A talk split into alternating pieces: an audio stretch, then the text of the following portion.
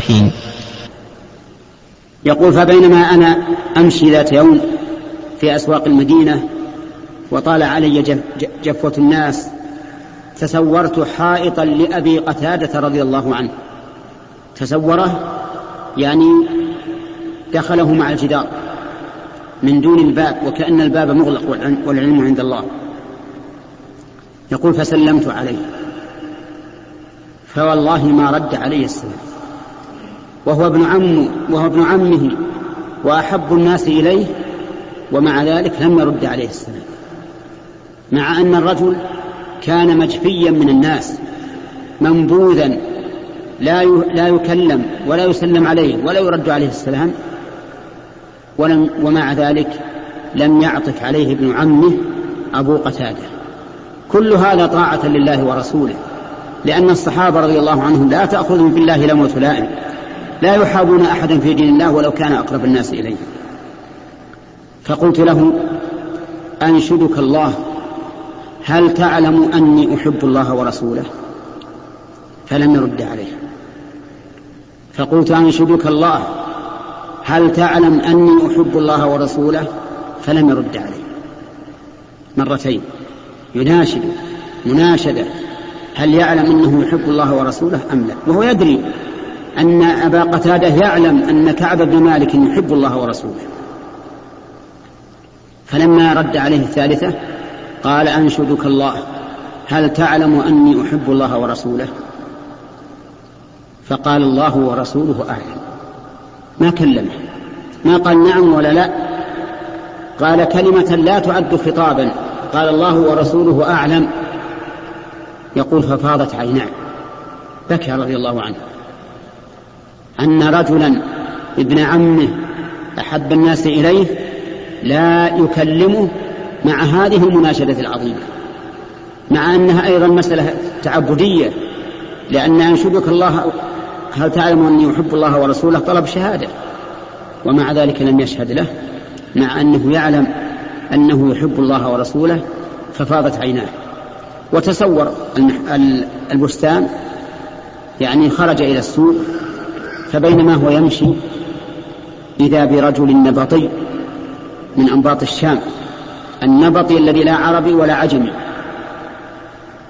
وسموا بذلك لأنهم كانوا يخرجون في البراري يستنبطون الماء. فهذا النبطي يسأل يقول من يدلني على كعب بن مالك؟ شوف أهل الشر أهل الشر ينتهزون الفرص. من يدلني على كعب بن مالك؟ فقلت أنا أنا هو. فأعطاني الورقة وإذا يقول وكنت كاتبا شوف قال كنت كاتبا لأن الكتاب في ذلك العهد قليلون جدا. اللي يكون كاتب هذا أين هو؟ فقرأت الكتاب فإذا فيه أما بعد فقد بلغنا أن صاحبك جفاك. صاحبك يعني الرسول عليه الصلاة والسلام. وكان هذا الملك ملك غزلان كافرا. وإنك لست بدار هوان ولا مضيعة.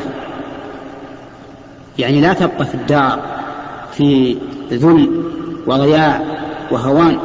لا تبقى فيها. إيت لمنا إلحق بنا نواسك. يعني إيت إلينا نواسيك بأموالنا. وربما نواسيك بملكنا. ولكن الرجل رجل. مؤمن بالله ورسوله محب لله ورسوله. قال وهذه من البلاء. يعني من الامتحان. هذا من الامتحان. وصدق رضي الله عنه. رجل مجهول لا يكلم مهجور منبوذ حتى من أقرب الناس إليه. لو كان في قلبه ضعف إيمان لانتهز الفرصة بدعوة هذا الملك وذهب إليه. لكن عنده إيمان راسخ يقول قلت هذه من البلاء ثم يعني ذهب إلى التنور فسجره فيه يعني أوقدها بالتنور. لماذا يوقدها بالتنور؟ لماذا لم يجعلها معه؟ لئلا توسوس له نفسه بعد ذلك أن يذهب إلى هذا الملك. أتلفها حتى لا حتى ييأس منها. ولا يحاول أن يجعلها حجة يذهب بها إلى هذا الملك. ثم بقي على ذلك مدة. ففي هذا الحديث أو في هذه القطعة من هذا الحديث دليل على على جواز التخلف عن الجماعة إذا كان الإنسان مهجورا منبوذا وعجزت نفسه أن تتحمل هذا كما فعل صاحب كعب بن مالك رضي الله عنه. لأنه لا شك أنه من الضيق والحرج أن يأتي الإنسان إلى المسجد مع الجماعة لا يسلم عليه ولا يرد سلامه ومهجور منبوذ هذا يضيق به تضيق به نفسه ذرعا لا يستطيع وهذا عذر كما قاله العلماء. ومن فوائد هذا الحديث شدة امتثال أمر الصحابة شدة امتثال الصحابة لأمر النبي صلى الله عليه وسلم. ودليل ذلك ما جرى لأبي قتادة رضي الله عنه مع كعب بن مالك. ومن فوائد هذا الحديث أنه يجب التحرز من أصحاب الشر وأهل السوء الذين ينتهزون الضعف في الإنسان والفرص في إضاعته وهلاكه.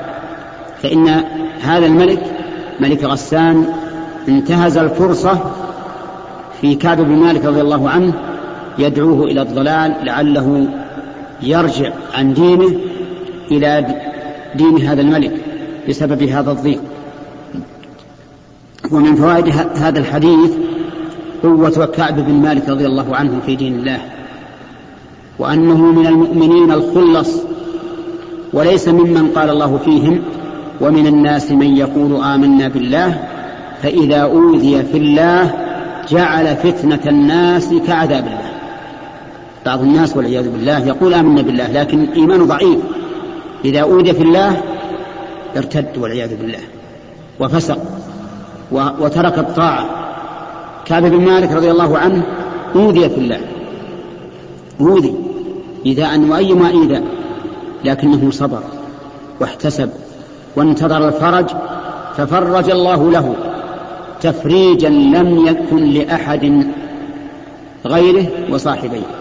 أنزل الله فيهم ثناء عليهم. آيات تتلى إلى يوم القيامة. نحن نقرأ قصتهم في القرآن في صلاتنا. هذا فضل عظيم. قصتهم تقرأ في الصلاة في الصلوات الخمس في صلاة النافلة سرا وعلنا. ومن فوائد هذا هذا الحديث أيضا أنه ينبغي للإنسان. إذا رأى فتنة أو خوف فتنة أن يتلف هذا, الذي يكون سببا لفتنته. أن يتلف هذا الذي يكون سببا لفتنته. فإن كعبا لما خاف على نفسه من أن أن نفسه تميل فيما بعد إلى الذهاب إلى هذا الملك ويتخذ هذه الورقة وثيقة حرقها رضي الله عنه. ومن ذلك أيضا ما جرى لسليمان ابن داود عليهما الصلاة والسلام حينما عرضت عليه الخيل الصافنات الجياد في, في وقت العصر فغفل ذهل عما عرض بما عرض عليه عن الصلاة ذهل بما عرض عليه عن الصلاة حتى غابت الشمس. فلما غابت الشمس وهو ما صلى العصر دعا بها بهذه الخيل الصافنات الجياد دعا بها فجعل يضرب رؤوسها وسوق وسوقها يعني سيقانها يعني يقتلها ويعقرها. عليه الصلاة والسلام انتقاما من نفسه لنفسه. كيف؟ لأنه انتقم من نفسه التي لهت بهذه الصافنة الجياد عن ذكر الله. فقال إني أحببت حب الخير عن ذكر ربي حتى توارت بالحجاب ردوها علي فطفق مسحا بالسوق والأعناق فالمهم أنك إذا رأيت شيئا من مالك يصدك عن ذكر الله فأبعده عنك بأي وسيلة تكون؟ حتى لا يكون سببا لإلهائك عن الذكر فإن الذي يلهي عن ذكر الله خسارة كما قال تعالى يا أيها الذين آمنوا لا تلهكم أموالكم ولا أولادكم عن ذكر الله ومن يفعل ذلك فأولئك هم الخاسرون. ويأتي إن شاء الله بقية الكلام عليه. قال رحمه الله تعالى حتى إذا مضت أربعون من الخمسين واستلبث الوحي إذا رسول رسول الله صلى الله عليه وسلم يأتيني فقال إن رسول الله صلى الله عليه وسلم يأمرك أن تعتزل امرأتك. فقلت أطلقها أم ماذا؟ أفعل فقال لا بل اعتزلها فلا تقربنها. وأرسل إلى صاحبي بمثل ذلك. فقلت لامرأتي الحقي بأهلك فكوني عندهم. حتى يقضي الله في هذا الأمر. فجاءت امرأة هلال بن أمية ابن أمية رسول الله صلى الله عليه وسلم فقالت له يا رسول الله إن هلال بن أمية شيخ ضائع ليس له خادم فهل تكره أن أخدمه؟ قال لا ولكن لا يقربنك. فقالت إنه فقالت إنه والله ما بي من حركة إلى شيء ووالله ما زال يبكي منذ كان من أمره ما كان إلى يومه هذا. فقال لي بعض أهلي لو استأذنت رسول الله صلى الله عليه وسلم فقال لي بعض أهلي لو استأذنت رسول الله صلى الله عليه وسلم في امرأتك فقد أذن لامرأتي لا لابن أمية أن تخدمه. فقلت لا أستأذن فيها رسول الله صلى الله عليه وسلم وما يدريني ماذا يقول رسول الله صلى الله عليه وسلم.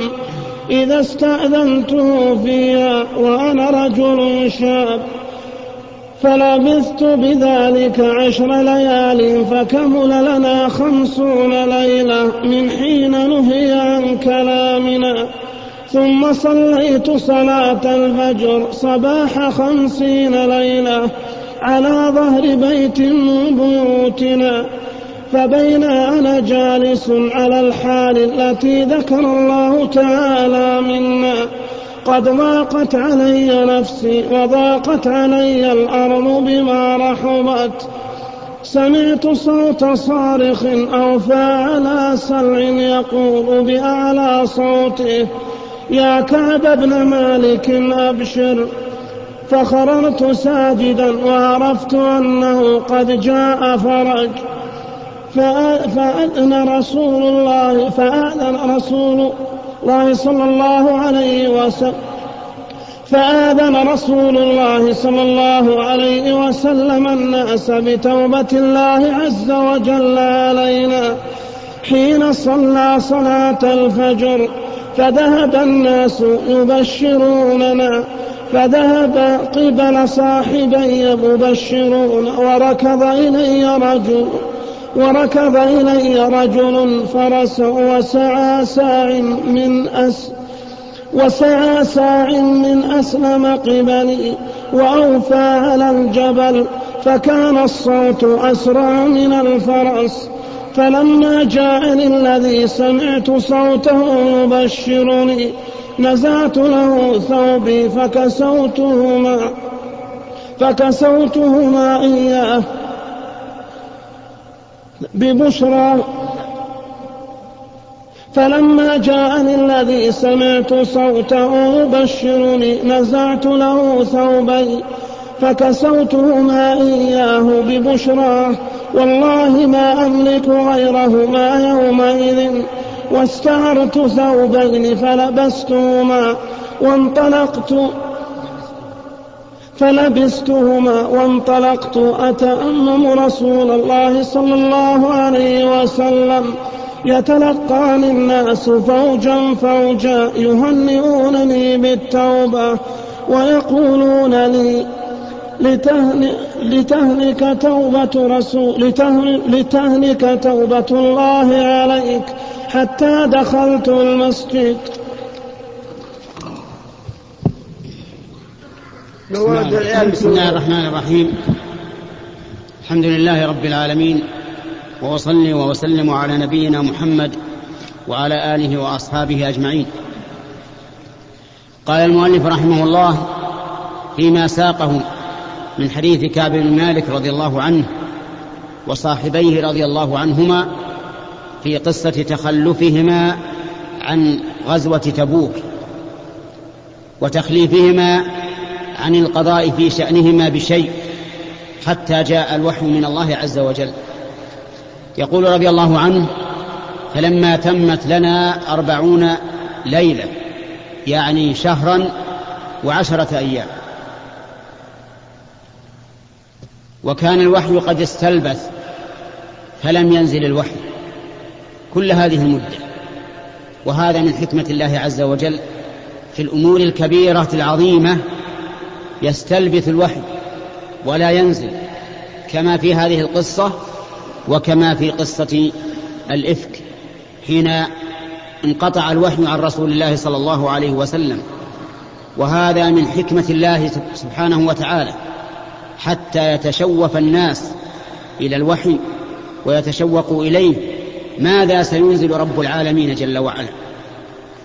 بقي الوحي أربعين ليلة ما نزل. فلما تمت أربعون ليلة أرسل النبي صلى الله عليه وسلم إلى كعب بن مالك وصاحبيه هلال بن أمية ومرارة بن الربيع أن يعتزل أن يعتزلوا نساءه فجاء الرسول إلى كعب فقال إن رسول الله صلى الله عليه وسلم يأمرك أن تعتزل امرأتك. إلى هذا الحد. امرأته شريكته في حياته وأولاده وفي بيته أمر أن يعتزلها مع أنه شاب رضي الله عنه. فقال كعب للرسول هل أمرني هل يأمرني أن أطلقها أم ماذا أفعل؟ يعني لو قال إنه يأمرك أن تطلقها طلقها ولا بأس. وهو هين عليه لأن طاعة الله ورسوله فوق كل شيء عند هؤلاء القوم. قال أمرني أن أن أبلغك أن تعتزل امرأتك فقال لها الحقي بأهلك حتى يقضي الله في ما شاء. وكذلك صاحباه. فجاءت امرأة هلال بن أمية إلى رسول الله صلى الله عليه وسلم وأخبرته بأنه في حاجة إليها لتخدمه لأنه ليس له خادم. فأذن لها النبي صلى الله لأنه ليس له خادم فأذن لها النبي صلى الله عليه وسلم بشرط أن لا يقربه. فقالت إنه ليس له في هذا الأمر من شيء يعني أنه لا ليس له شهوة في النساء وأنه ما زال يبكي رضي الله عنه منذ هج أمر النبي صلى الله عليه وسلم بهجرهم إلى يومه هذا. أربعين يوما يبكي. لأنه ما يدري ماذا يكون النهاية. يقول رضي الله عنه فلما مضى عشر ليال بعد هذا وكنت ذات يوم أصلي الصبح على سطح بيت من بيوتنا لأنه كما مر كانوا رضي الله عنهم قد ضاقت عليهم الأرض بما رحبت وضاقت عليهم أنفسهم واستنكروا الأرض واستنكروا الناس يأتون إلى المسجد لا يكلمهم أحد إن سلموا لم يرد عليهم وإن مر بهم أحد لم يسلم عليهم. فضاقت عليهم الأرض. فصار ذاك ذات يوم يصلي الصبح في بيته على سطح. يقول فسمعت صارخا يقول أوفى على سلع يعني صعد على سلع وسلع جبل معروف في المدينة. أوفى عليه وصاح بأعلى صوته يقول يا كعب بن مالك أبشر. بس يا كعب بن مالك أبشر. يقول فعلمت أن الله قد أنزل في في فرجي. أنزل الفرج لنا. وركب فارس من المسجد يؤم بيت كعب بن مالك ليبشره. وذهب مبشرون إلى هلال بن أمية ومرارة بن الربيع يبشرونهما بتوبة الله عليهما. شوف فرح المسلمين بعضهم مع بعض. يتباشرون كل يذهب يركض يسعى من جهة. يقول فجاء الصارخ وجاء صاحب الفرس فكان فكانت البشرى للصارخ لأن الصوت أسرع من الفرس. يقول فأعطيته ثوبي الإزار والرداء وليس يملك غيرهما لكن استعار من أهله أو من جيرانه ثوبين فلبسهما وأعطى ثوبيه هذا الذي بشره. أعطاه كل ما يملك. لا يملك غير الثوبين. لكنها والله بشرى عظيمة. بشرى من الله سبحانه وتعالى عظيمة. أن ينزل الله توبتهما ويمن عليهما بالتوبة. فرضي الله عنه أعطى صاحب الف... أعطى صاحب الصوت هذين الثوبين ببشارته. ثم نزل متوجها إلى رسول الله صلى الله عليه وسلم في المسجد. وإذا رسول الله صلى الله عليه وسلم وجزاه الله عن أمته خيرا قد بشر الناس بعد صلاة الصبح بأن الله أنزل توبته على هؤلاء الثلاثة. لأنه عليه الصلاة والسلام يحب من أصحابه وأمته أن يتوبوا ويرجعوا إلى الله.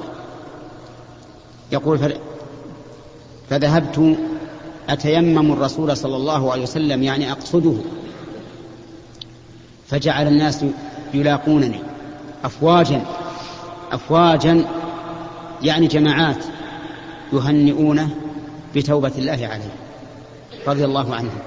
هؤلاء القوم يحبون لإخوانهم ما يحبون لأنفسهم. لم يحسدوهم على ما أنعم الله به عليهم من إنزال القرآن العظيم بتوبتهم بل جعلوا يهنئونه. حتى دخل المسجد. في هذه القطعة من الفوائد أولا شدة هجر النبي صلى الله عليه وسلم لهؤلاء الثلاثة حتى إنه أمرهم أن يعتزلوا نساءهم. والتفريق بين الرجل وبين امرأته أمره عظيم. وفيه أيضا أن قول الرجل لامرأته الحقي بأهلك ليس بطلاق. لأن كعب بن مالك فرق بين قوله الحق بأهلك وبين الطلاق. فإذا قال الرجل لامرأته الحقي بأهلك ولم ينوي الطلاق فليس بطلاق. أما إذا نوى الطلاق فإن النبي صلى الله عليه وسلم قال إنما الأعمال بالنيات وإنما لكل امرئ ما نوى. فإذا نوى الإنسان بهذه الكلمة وأمثالها الطلاق فله ما نوى. ومن فوائد هذه القطعة من الحديث شدة امتثال أو قوة امتثال أمر الصحابة. قوة امتثال الصحابة لأمر النبي صلى الله عليه وسلم. لأنه رضي الله عنه ما تردد.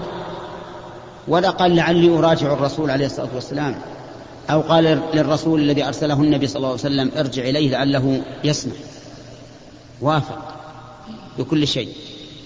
ومن فوائد هذا الحديث أن استئذان أن النبي صلى الله عليه وسلم كان رحيما بأمته. فإنه بعد أن أمر باعتزال النساء لهم رخص لهلال بن أمية لأنه يحتاج إلى خدمة امرأته.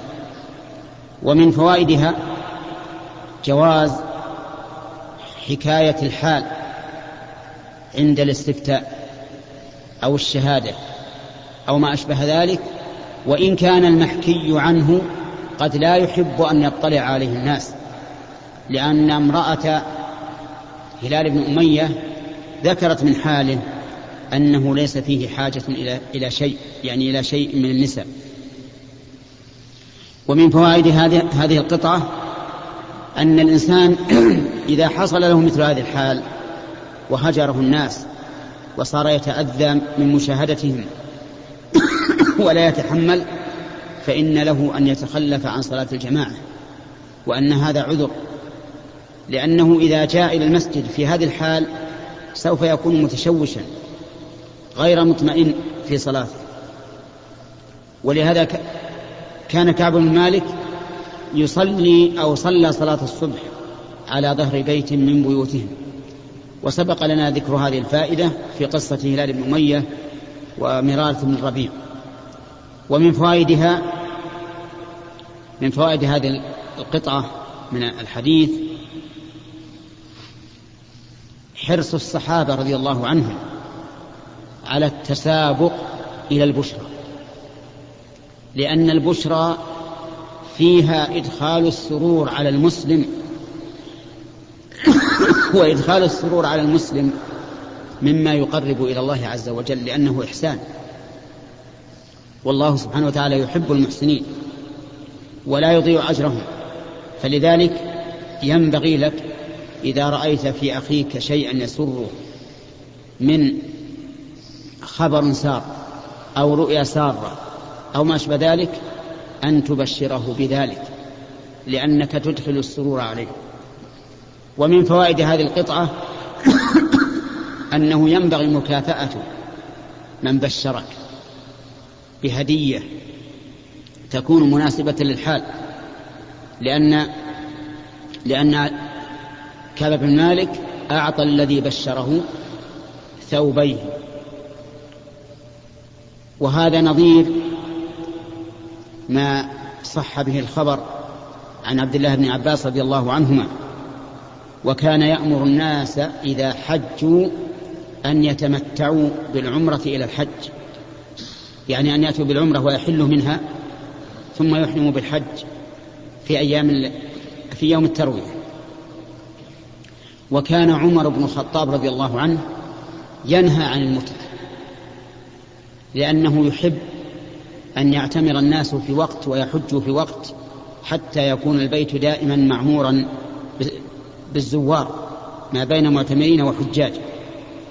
فعل ذلك اجتهادا منه رضي الله عنه وهو من الاجتهاد المغفور والا فلا شك أن سنة الرسول عليه الصلاة والسلام أولى. المهم أن استفتى عبد الله بن أن رجلا استفتى عبد الله بن عباس في هذه المسألة فأمره أن يتمتع وأن يحرم بالعمرة ويحل منها. فرأى هذا الرجل في المنام شخصا يقول له حج مبرور وعمرة متقبلة. فأخبر بذلك ابن عباس الذي أفتاه ففرح بذلك ابن عباس وأمره أن يبقى حتى يعطيه من عطائه يعني يعطيه هدية على ما بشره به من هذه الرؤيا التي تدل على صواب ما أفتاه به عبد الله بن عباس رضي الله عنهما. والمهم أن من بشرك بشيء فأقل الأحوال أن تدعو له بالبشارة. أو تهدي عليه ما تيسر. وكل إنسان بقدر حاله. والله موفق. قال رحمه الله تعالى حتى دخلت المسجد فإذا رسول الله صلى الله عليه وسلم جالس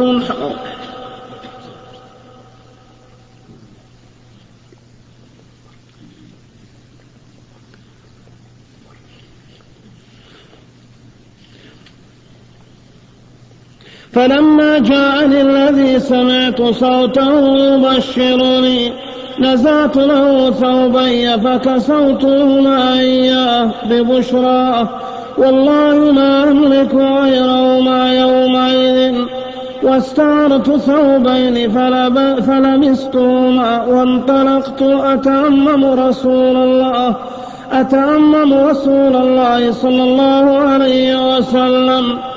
يتلقاني الناس فوجا فوجا يهنئونني بالتوبة ويقولون لي لتهلك توبة الله عليك حتى دخلت المسجد فإذا رسول الله صلى الله عليه وسلم جالس حوله الناس فقام طلحة بن عبيد الله رضي الله عنه يهرول يهرول حتى صافحني وهنأني والله ما قام رجل من الأنصار غيره فكان كعب لا ينساها لطلحة.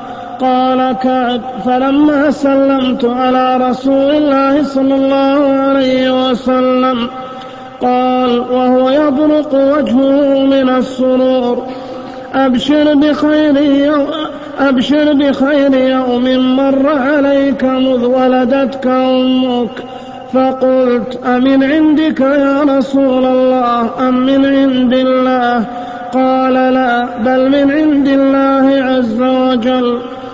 وكان رسول الله صلى الله عليه وسلم إذا سر استنار وجهه حتى كأن وجهه قطعة قمر.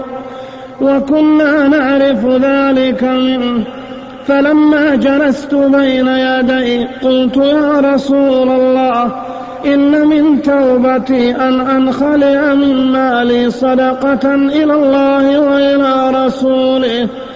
فقال رسول الله صلى الله عليه وسلم أمسك عليك بعض مالك فهو خير لك. فقلت إني أمسك سهمي الذي بخيبر. وقلت يا رسول الله إن الله تعالى إنما أنجاني بالصدق وإن من توبتي ألا أحدث إلا صدقا ما بقيت. فوالله ما علمت أحدا من المسلمين أبلاه الله تعالى في صدق الحديث. منذ ذكرت منذ ذكرت ذلك لرسول الله صلى الله عليه وسلم. أحسن مما أبلاني الله تعالى. والله ما تأمدت كذبة كذبة. والله ما تأمدت كذبة منذ قلت ذلك لرسول الله صلى الله عليه وسلم. إلى يومي هذا. وإني لأرجو أن يحفظني الله تعالى فيما بقيت. قال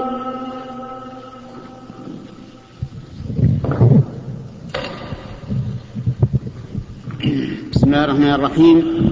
قال المؤلف رحمه الله تعالى فيما نقله من حديث كعب بن مالك رضي الله عنه وصاحبيه الذين تخلفوا عن غزوة تبوك وخلفوا وخلفوا حتى يقضي الله في أمرهم.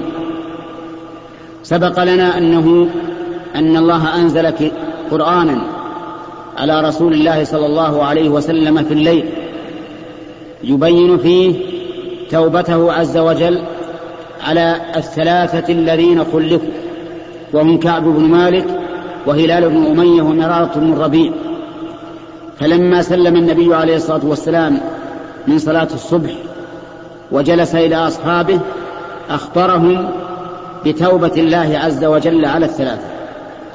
وأنهم وأن وأنهم قد تاب الله عليهم وسبق لنا أن كعبا سمع صوتا من سلع يقول له أبشر يا كعب بن مالك أبشر. وركض إليه رجل بفرسه يبشره. فكان الصوت أسرع من الفرس وأن كعبا رضي الله عنه أعطى ثوبين لصاحب الصوت ببشراه الذي بشره بها وأنه أقبل إلى مسجد النبي عليه الصلاة والسلام يقصد النبي صلى الله عليه وسلم وأن الناس يتلقونه فوجا فوجا يهنئونه بتوبة الله عليه.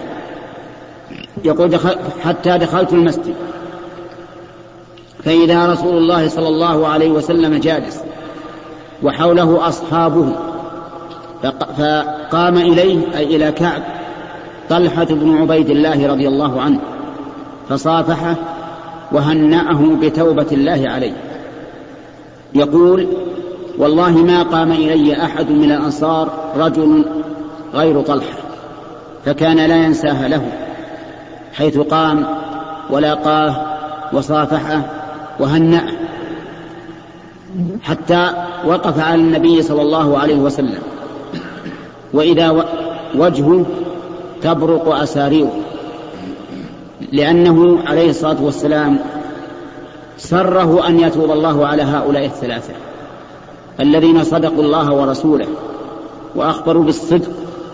عن إيمان وحصل عليهم ما جرى من الأمر العظيم من هجر الناس لهم خمسين يوما حتى نساؤهم بعد أربعين يوما أمر النبي عليه الصلاة والسلام أن يعتزلوهن ثم قال له النبي صلى الله عليه وسلم أبشر بخير يوم مر عليك منذ ولدتك أمك.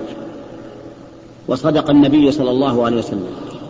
خير يوم مر على كعب منذ ولدته أمه هو ذلك اليوم. الذي أنزل الله توبته عليه وعلى صاحبيه فيه في قرآن يتلى تكلم به رب العالمين عز وجل وأنزله على محمد صلى الله عليه وسلم محفوظا بواسطة جبريل ومحفوظا إلى يوم القيامة. ولا يوجد أحد سوى الأنبياء أو من ذكرهم الله في القرآن حفظت قصته كما حفظت قصة كعب بن مالك وصاحبه. بقيت هذه القصة تتلى في كتاب الله في المحاريب وعلى المنابر وفي كل مكان. ومن قرأ هذه القصة فله بكل حرف عشر حسنات. فهذا اليوم لا شك أنه خير يوم مر على كعب منذ ولدته أمه فقلت له أمن عندك يا رسول الله؟ أم من عند الله؟ قال من عند الله عز وجل. لأنه معلوم إذا كان من عند الله كان أشرف وأفضل وأعظم. فقال من عند الله عز وجل. فقال كعب إن من توبتي يا رسول الله أن أنخلع من مالي توبة إلى الله ورسوله. ينخلع يعني يتخلى عنه ويجعله صدقة إلى الله ورسوله شأنه وتدبيره. فقال النبي صلى الله عليه وسلم أمسك عليك بعض مالك فهو خير لك. فأمسكه ففي هذه القطعة من الحديث فيها دليل على أن من السنة إذا أتى الإنسان ما يسره أن يهنأ به ويبشر به. سواء كان خير دين أو خير دنيا. ولهذا بشرت الملائكة إبراهيم بالغلام بغلام عليم وبغلام حليم. الغلام الحليم إسماعيل والغلام العليم إسحاق. بشرت الملائكة إبراهيم بهذين الغلامين. ومن من فوائد هذه القصة أنه لا بأس بالقيام إلى الرجل لمصافحته وتهنئته بما يسره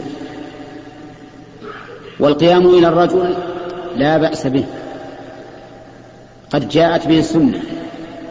وأما القيام للرجل القيام للرجل وأنت باق في مكانك ما تتحرك إليه فهذا أيضا لا بأس به إذا اعتاده الناس لأنه لم يرد النهي عنه. وإنما النهي والتحذير من الذي يقام له لا من القائم. فإن من يقام له قال فيه النبي عليه الصلاة والسلام من أحب أن يتمثل له الناس قياما فليتبوأ مقعده من النار.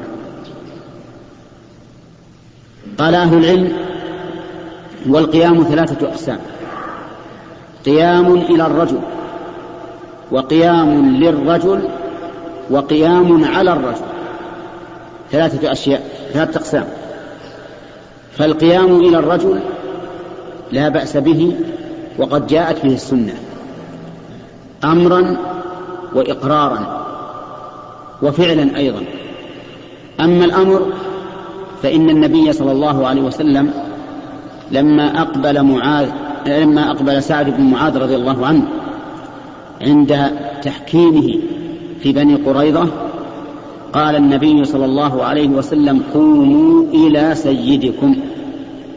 وكان سعد بن معاذ رضي الله عنه قد أصيب في غزوة الأحزاب في أكحله. الأكحل عرق في الإبهام إذا انفجر مات الإنسان. أصيب به رضي الله عنه فدعا الله.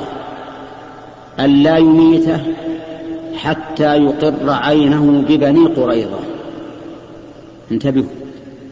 بني قريظة حلفاء للأوس وخانوا عهد النبي عليه الصلاة والسلام وصاروا مع الأحزاب على رسول الله صلى الله عليه وسلم. فلما طعن سعد قال اللهم لا تمتني حتى تقر عيني ببني قريظة.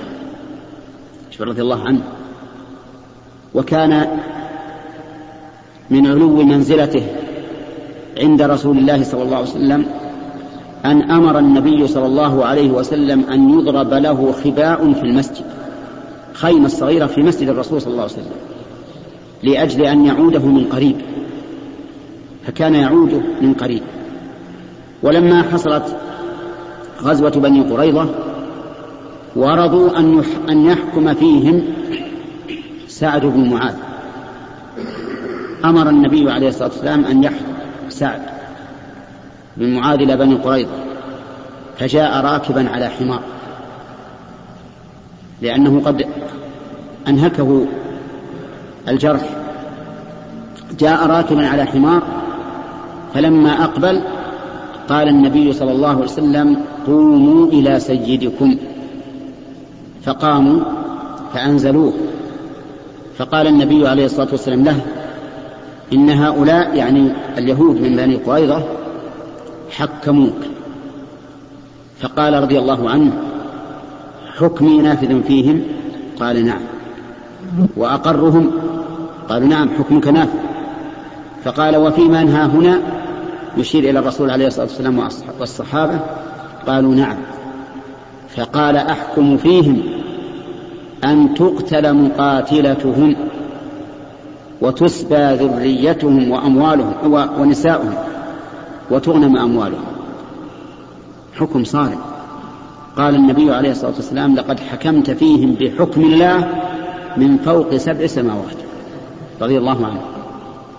فنفذ النبي عليه الصلاة والسلام حكمه وقتل منهم سبعمائة رجل. سبعمائة رجل وسبى نساءهم وذرياتهم وغنم أموالهم. الحاصل أن الرسول صلى الله عليه وسلم قال قوموا إلى سيدكم.